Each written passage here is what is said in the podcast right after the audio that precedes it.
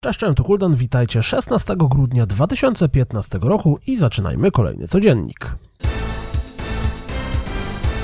E3 2016 otrzymał zwiastun z dubstepem w tle. Kropka. Ponieważ już jutro Night Dive wyda pierwszego Turoka na PC, będzie on dostępny zarówno na Gogu, Humble Store, jak i Steamie, to pokazał się zwiastun prezentujący jak ta gra będzie wyglądała. Crytek zapowiedział grę The Climb, ekskluzyw na Oculus Rifta. Jak wskazuje nazwa i jak możemy zobaczyć na zwiastunie, w grze będziemy się wspinać. Na PlayStation 4 zapowiedziano staroszkolną strzelenie Stardust Vanguards. Na pewno spodoba się Kazowi. King's Quest Chapter 2 Rumble Without a Cause otrzymał premierowy zwiastun.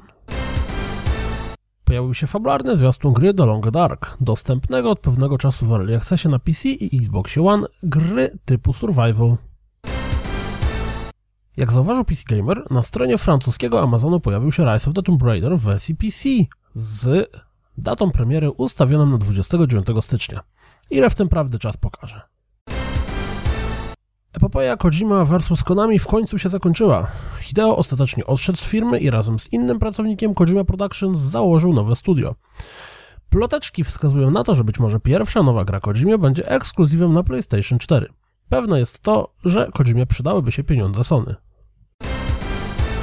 Do Call of Duty Black Ops 3 zmierza duży update. Jeśli jesteście zainteresowani m.in. czego będą dotyczyły mikrotransakcje, to sprawdźcie stronę Activision, gdzie znajduje się pełna lista zmian. Jeśli skończyliście już Life is Strange, to sprawdźcie wywiad z twórcami gry, a jeśli tego nie zrobiliście, to nie wiem na co czekacie. To wszystko na dziś jak zawsze. Dziękuję za słuchanie. Jak zawsze zapraszam na www.rozgrywkapodcast.pl i mam nadzieję słyszymy się jutro.